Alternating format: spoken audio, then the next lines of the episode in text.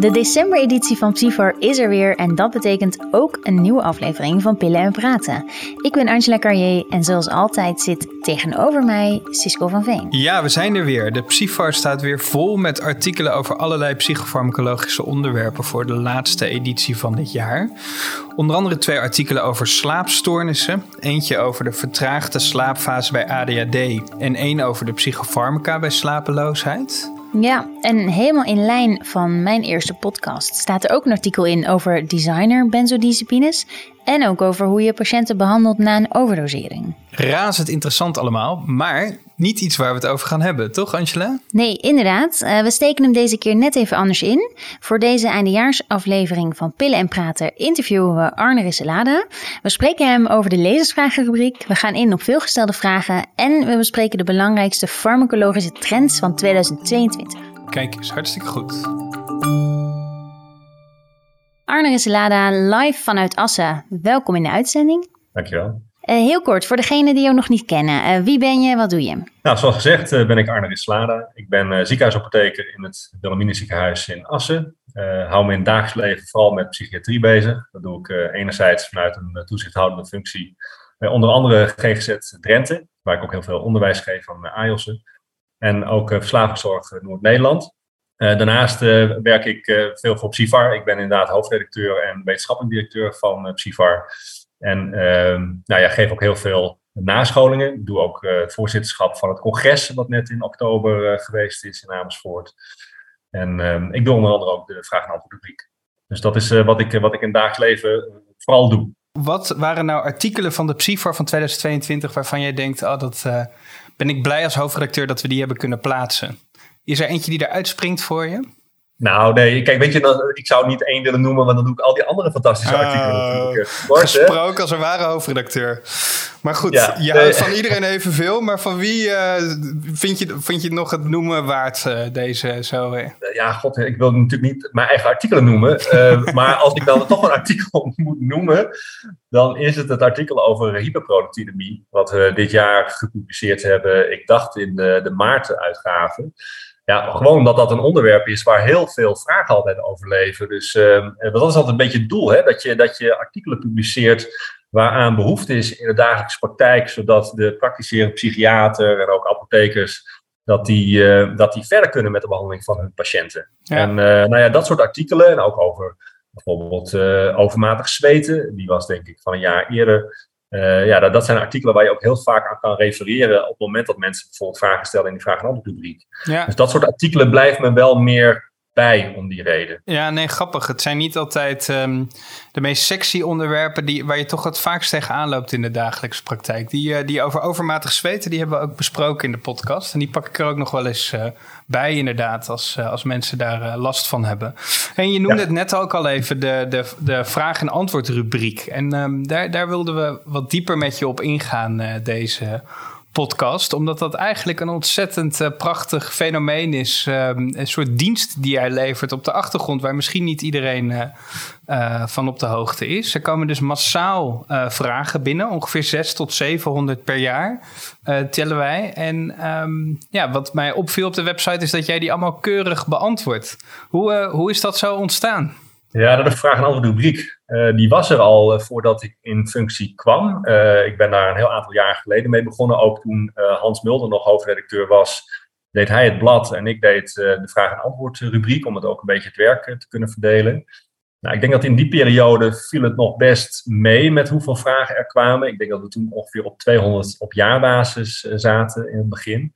daar stonden ook uh, vijf werkdagen voor, voordat je antwoord uh, hoeft te geven op een bepaalde vraag.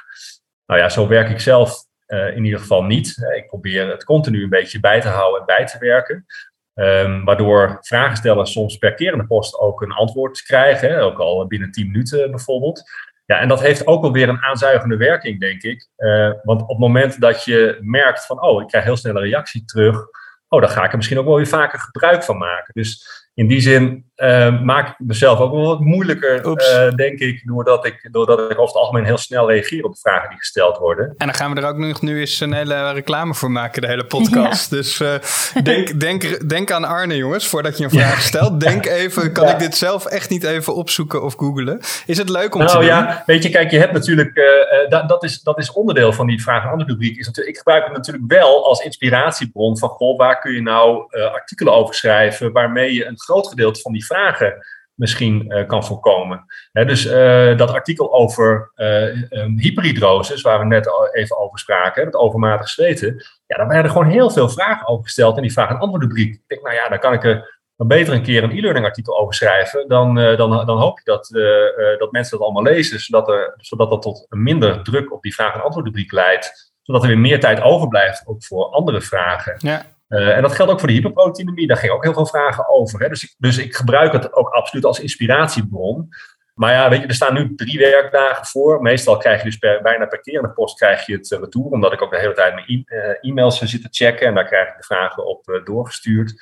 En dat doe ik dan ook nog wel eens avonds en in de weekenden en zo. Dus het is niet. Uh, het, ja, ik doe het ook omdat ik het gewoon heel erg leuk vind. Hè. Laat ja? dat ja, vind je het leuk? Ja, ja, ja, ja. Ik vind het, het is wat mij betreft een van de pareltjes, uh, zeg maar, in mijn dagelijks werk. Oh, kijk eens. Um, um, want ik vind, laat ik, zeggen, ik vind het leuk om snel te kunnen antwoorden en mensen dus te kunnen helpen in de behandeling van hun uh, patiënten.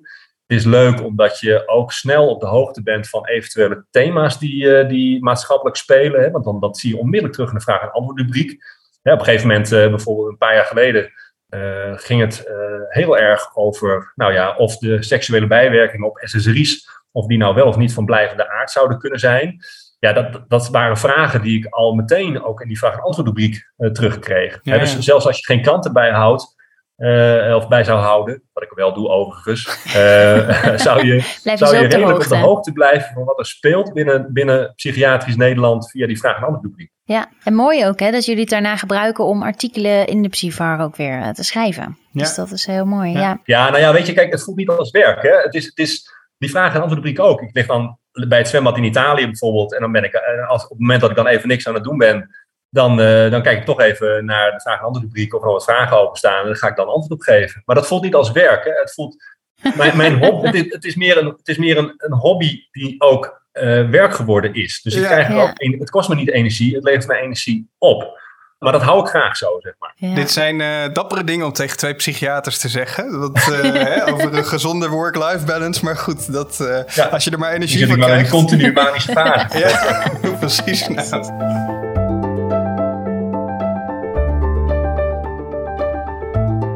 En we hebben een beetje door de, de vragen heen gekeken ook hè, van dit jaar. Ehm, nou, misschien wil jij zo zelf ook wel wat grote thema's noemen hoor. Maar er vielen ons wel wat dingen op die we veel zagen. Dus het leek ons leuk om voor de luisteraars daar een aantal van uit te, te lichten. Nou, een vraag die ik tegenkwam ging bijvoorbeeld over het combineren van ADHD-medicatie. eh, bij een patiënt die had een depressie en ADHD.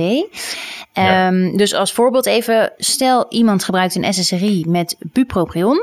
Ehm, is het dan wenselijk of, of mogelijk überhaupt om daar nog eh, methylfenidaat of dexamfetamine bij te geven? Als iemand onvoldoende effect heeft van die eh bupropion. Ja, dat hangt een beetje van de situatie af. Hè. Als, je, als je puur kijkt op basis van eh, richtlijnen, dan zou je in principe gewoon methylfenidaat toe moeten kunnen voegen aan de combinatie van SSRI met bupropion. Het zijn gescheiden indicaties in zekere zin, hè, want die bupropion die zat er dan in veel gevallen nog niet eens per se bij vanwege de ADHD. Ik denk dat je echter. Ehm, ik probeer ook altijd praktisch te kijken en ook misschien een beetje out of the box te denken in veel gevallen. En ehm, ik denk dat je polyfarmacie zoveel mogelijk moet voorkomen. Ik denk dat heel veel psychiatrische patiënten daar al last van hebben. En eh, dat zien we ook terug, hè, zeker bij de wat oudere. Nou ja, zeker, jullie zijn allebei oudere psychiaten. Dat zie je zeker terug, hè, dat er heel veel verschillende pillen gebruikt worden. Met ook eh, eh, veel bijwerkingen, waarvoor dan weer andere pillen nodig zijn.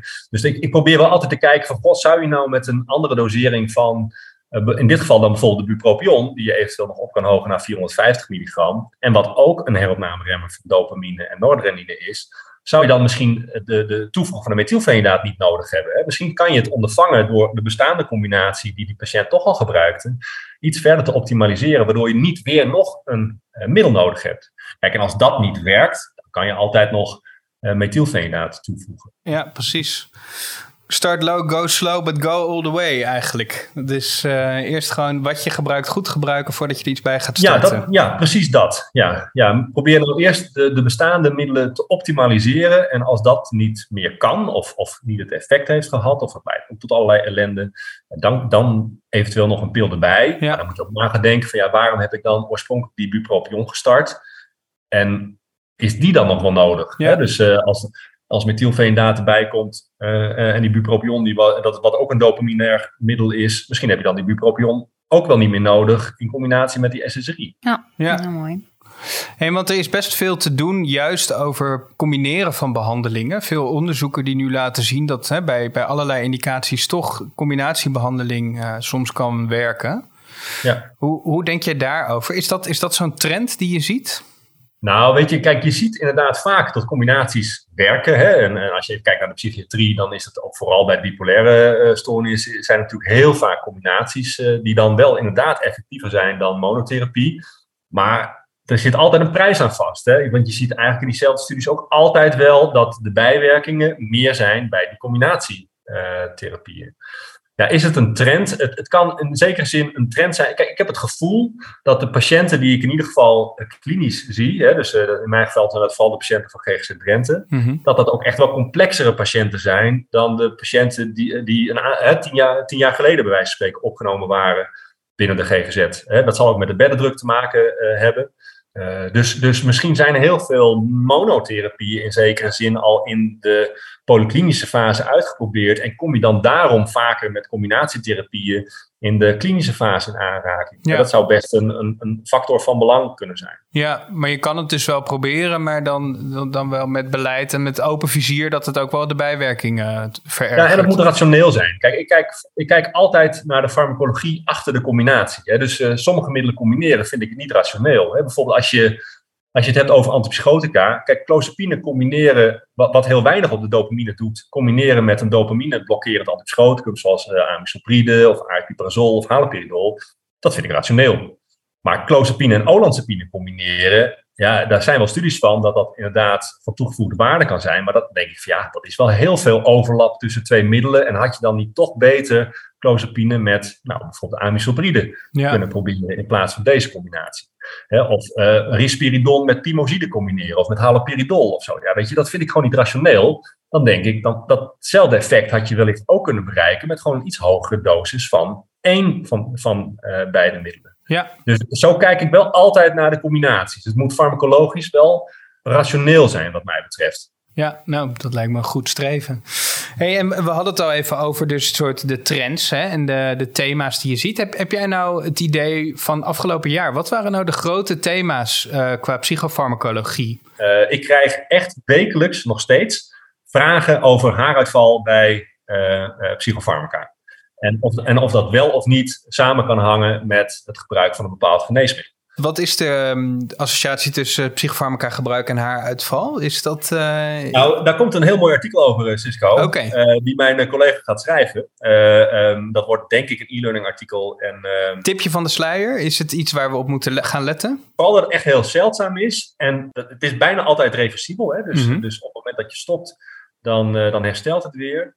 Het is vaak diffuus. Kijk, ook haaruitval is ook heel vaak hormonaal. Hè? Dus ik krijg heel veel vragen bijvoorbeeld over. Het zijn vaak vrouwen die daar mee komen, omdat bij mannen, nou ja, kijk naar mij, uh, vaak iets meer uh, sociaal geaccepteerd is, denk ik, dat je wat minder haar op je schedel hebt uh, zitten. De luisteraar ja. ziet dat natuurlijk niet, hè? Nee, maar misschien een fotootje foto, Arne Risselade. Dus ja. als je Arne Risselade Als ik de foto's voorbij zie komen, en dat is regelmatig, dan weten ze wel dat ik niet een hele volle bos haar heb. Maar uh, het zijn dus vaak vrouwen. En, en, uh, uh, maar dan speelt ook een rol van, goh, hè, is dat premenopausaal of postmenopausaal? Zit iemand net in de, de overgang? Ja. zwangere vrouwen hebben vanwege al die hormonen die gestegen zijn ook dikker haar, zeg maar. Op het moment dat die zwangerschap voorbij is, dan, dan, dan vallen die haren weer uit die daarvoor extra zijn aangemaakt. En dan ja. blijft het allemaal onrust. Dus er zitten veel meer factoren omheen dan psychofarmaca. Maar ja, dan is dat toevallig net dan een vrouw met een postpartum depressie. Nou ja, die, die behandeld wordt met een SSRI. En dan wordt er naar de SSRI gekeken. ja, is dat dan misschien de oorzaak van het haarverlies? Terwijl het waarschijnlijk veel logischer is, omdat het zo zeldzaam is bij ja. psychofarmaca, dat het met hormonale veranderingen te maken heeft. Ja, precies. Wordt toch, snel, wordt toch snel naar het psychofarmacum gekeken? Ja, dat merk je sowieso wel hoor. Kijk, sowieso als je, als je kijkt naar, uh, uh, nou ik wil niet generaliseren, maar uh, als ik even naar de gemiddelde uh, sommige gemiddelde specialisten kijk, zeg maar, het psychofarmacon heeft het altijd gedaan. Hè? Dus als er bepaalde bijwerkingen geconstateerd worden, dan wordt er altijd naar het psychofarmacon gewezen van, god, nou daar zal het wel mee te maken hebben, want het staat ergens dat ik erbij sluit. Dit is ook echt wel mijn ervaring uit het ziekenhuis, dat ik dan iemand die doodziek uh, lag op de IC en dan hadden ze 15 milligram methaspine bijgestart en toen zou de lier dan door de methaspine gekomen zijn. Oh ja. Het is wel, uh, ja, nee, ik begeleid veel internisten en dit is een van de dingen die ik ze altijd uh, probeer af te leren, inderdaad. Van, ja. um, let, ja. let, let op deze bias, want het is echt een bias in in de somatiek. Ja. Ook, ook omdat het gewoon ingewikkelde medicijnen zijn uh, die vaak niet goed, uh, niet goed worden begrepen. Dat is ook zo. Maar dat ja. maakt ze ook wel weer interessant. Ja. Uh, en zeker voor mensen die, die klinisch farmacologie erg leuk vinden. Dus ehm, vandaar ook dat ik, mij, dat, dat ik niet begrijp dat niet nog meer collega's zo enthousiast zijn over zich verdiepen in de, in de psychofarmaca. Ja, precies. Het is gewoon polyfarmacie met één pil. Hè? Dus als je, als je clozapine geeft, dan krijg je 23 verschillende receptorsystemen aan, waarvan we het weten. Ja, dat, dat, dat, is, dat is polyfarmacie met één pil. Dus komt allen, dat is de boodschap. Ik heb nog een paar, uh, paar dingen, want ik vind het toch leuk um, om nog eens terug te gaan, ook een beetje in het kader van de eindejaarsuitzending, naar die trends. Soort die grote trends die we, die we zien in de psychiatrie. En um, ik vroeg me af, uh, zie jij bijvoorbeeld in de vragen terug dat het veel gaat over taperen, en taperingstrips? Hè? Daar gaan de hoogleraren rollenbollend over de straat, uh, ruziemakend. Ja. Raakt dat nou ook de vragensteller, die de psychiater die gewoon uh, in de spreekkamer tegenover een patiënt zit? Uh, ja, kijk, die tapering, dat, dat klopt. Hè? Dus de, de, de emoties lopen soms uh, hoog op als het gaat over discussies over taperingstrips. Dat heb ik ook in, de, ook in nascholingen heb ik dat wel eens meegemaakt. Vragen binnen de vraag-antwoordrubriek gaan daar ook wel eens over. Hè? Omdat, omdat een van de problemen rondom die taperingstrips is dat ze niet altijd goed worden en dat patiënten dan voor hoge kosten kunnen komen te staan. Mm -hmm. Weet je, het gaat er inderdaad heel veel over. Ik, ik, zie het op LinkedIn, zie ik het veel voorbij komen. Op Twitter gaat het, uh, komt het vaak voorbij.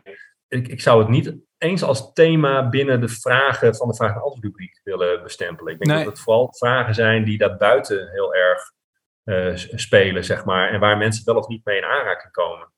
Uh, kijk, er zijn inmiddels voor, of er is inmiddels voor een aantal middelen zijn ook nou ja, lagere tabletsterktes verkrijgbaar, zodat je het, het uh, document wat ooit geschreven is voor de NFVP, hè, door Erik Rouwé en mijn mm -hmm. collega Hans Mulder, over het uh, afbouwen van SSRI's en SNRI's. Uh, zodat je die stappen die daarin geadviseerd worden, dat je die ook daadwerkelijk kunt volgen. Ja. En, en ze zijn nu bezig, weet ik, met ook een afbouwdocument voor andere typen uh, antidepressiva. Hè, zodat je ook daar, daarmee de praktijk weer wat meer kan uh, ondersteunen. Ja, en iets breder dan de taperingstrips afbouwen als thema. Want dat hebben we toch echt wel veronachtzaamd ja. de afgelopen decennia. Dat is met name, en dat is, dat, daarom kijk ik, dan kijk ik jullie ook even expliciet aan, ook als uh, oudere psychiaters. Oh jee. Ik zou daar ontzettend graag, bijvoorbeeld ook in de masterclass oudere psychiatrie, wat meer aandacht willen, en ook qua, qua artikelen, aan deep prescribing. He, dus dus ja. uh, uh, van wat is nou niet meer nodig? En daar is verrekt te weinig over bekend, uh, ja. helaas, zeg maar. Terwijl ik denk van, joh, je zit bij mensen in de laatste levensfase, misschien heb je nog een levensverwachting van drie, vier jaar, dan zijn we met soms met somatische middelen zijn we aanzienlijk verder. Hè, van dan ja, is die cholesterolverlager dan nog wel nodig? En uh, ach, wat maakt het nog uit als iemand nog een wat hoge bloeddruk heeft? Moet hij die nog wel gaan behandelen en zo? Maar als het gaat om psychofarmaca, dan, ja, dan is mijn ervaring niet. Dat, laat ik, zeggen, ik kan daar weinig over vinden. En ik weet niet wat jullie ervaring is, maar het is, die, die, die worden toch in veel gevallen wat ongemoeid gelaten, tenzij de patiënt ook hinderlijk bijwerkt. Sterker nog, vaak lijken ze juist ook wel belangrijk. Maar er is misschien ook niet zoveel over bekend. Maar vaak zie je juist nee. die somberheidsklachten weer toenemen in de laatste levensfase. Ja. Dus mis, misschien dat het ook juist dan nodig is hoor. Maar uh, nee, het is wel heel ja. goed om uh, daar meer studies naar te doen. Ja, god. En, en ook wel, ook hier, je zei net goede counseling, goede shared decision making. Dat is hier ook heel belangrijk. Ik, ik ervaar toch al veel mensen met langdurige ernstige problematiek, dat die zeggen, zit in godsnaam niet aan die pillen. Want Nee, het, is al zwaar genoeg en een grote manische of depressieve episode erbij kan ik nu niet gebruiken. Maar dat is, nou wat jij net zegt, hè, dat- is ook wel de plek in de zorg waar ik zit. Nee, en sterker nog, weet je, bij sommige mensen is het zo dat als je bepaalde middelen gaat stoppen, dat ze denken van, oh, dan heeft hij me opgegeven en eh, dan, eh, dan doe ik er niet meer toe. Ja. Hè? Dus dan, eh, nou ja, dan, eh, nou, la- laat mij maar gaan dan, zullen we zeggen. Hè, dus die willen dat om die reden ook. Ik vind het heel interessant. eh, eh, Dat is dan weer ook weer een beetje mijn hobby. eh, uitzichtloosheid van wanneer moet je accepteren van dit werkt niet. Daar, daar is heel weinig aandacht voor in richtlijnen. Maar bijvoorbeeld ook wanneer moet je weer stoppen. Daar is ook weinig aandacht voor in richtlijnen. Dus over Maar de- dat komt omdat daar ook heel relatief weinig studies naar gedaan Ja. zijn. Hè? Dus, dus eh, kijk, fabrikanten gaan die studies niet voor jullie doen.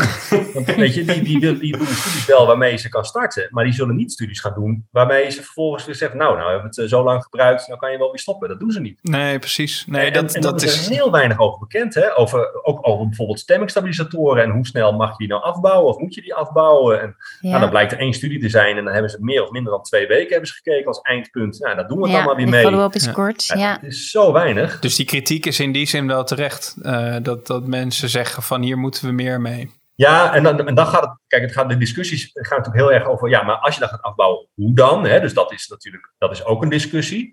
Maar überhaupt de beslissing nemen om iets te gaan afbouwen, zeg maar, hè? iets te gaan stoppen, hè? Da- daar mag wel veel meer aandacht naar gaan, eh, Ja. uitgaan. Ja, nou, dat is dus iets voor 2023. Ja. Wat ook wel veel speelt, met name onder eh, jongeren, volgens mij, is meer ook eh cannabispreparaten. Wietolie, Oh ja. dat soort zaken. Daar zag ik ook nog een vraag voorbij komen. Is dat iets wat je, waar je wel eens vragen over krijgt? Ja, maar ook steeds minder. Kijk, die, dat, is, dat is alweer een, één of twee jaar geleden, zeg maar. Toen kwamen die cannabisproducten enorm omhoog Mhm. eh, eh, komen. En die, je, je, je, je zag bij, bij de kruidvat, za- iedereen adverteerde ermee, nog steeds wel. Hè? Dus eh eh, Glenn Dumont heeft toen ook een keer een artikel geschreven over eh, cannabispreparaten. Ik krijg er nu niet zo heel veel vragen meer over. Kijk, weet je, over het algemeen, ik ben een nuchtere Fries.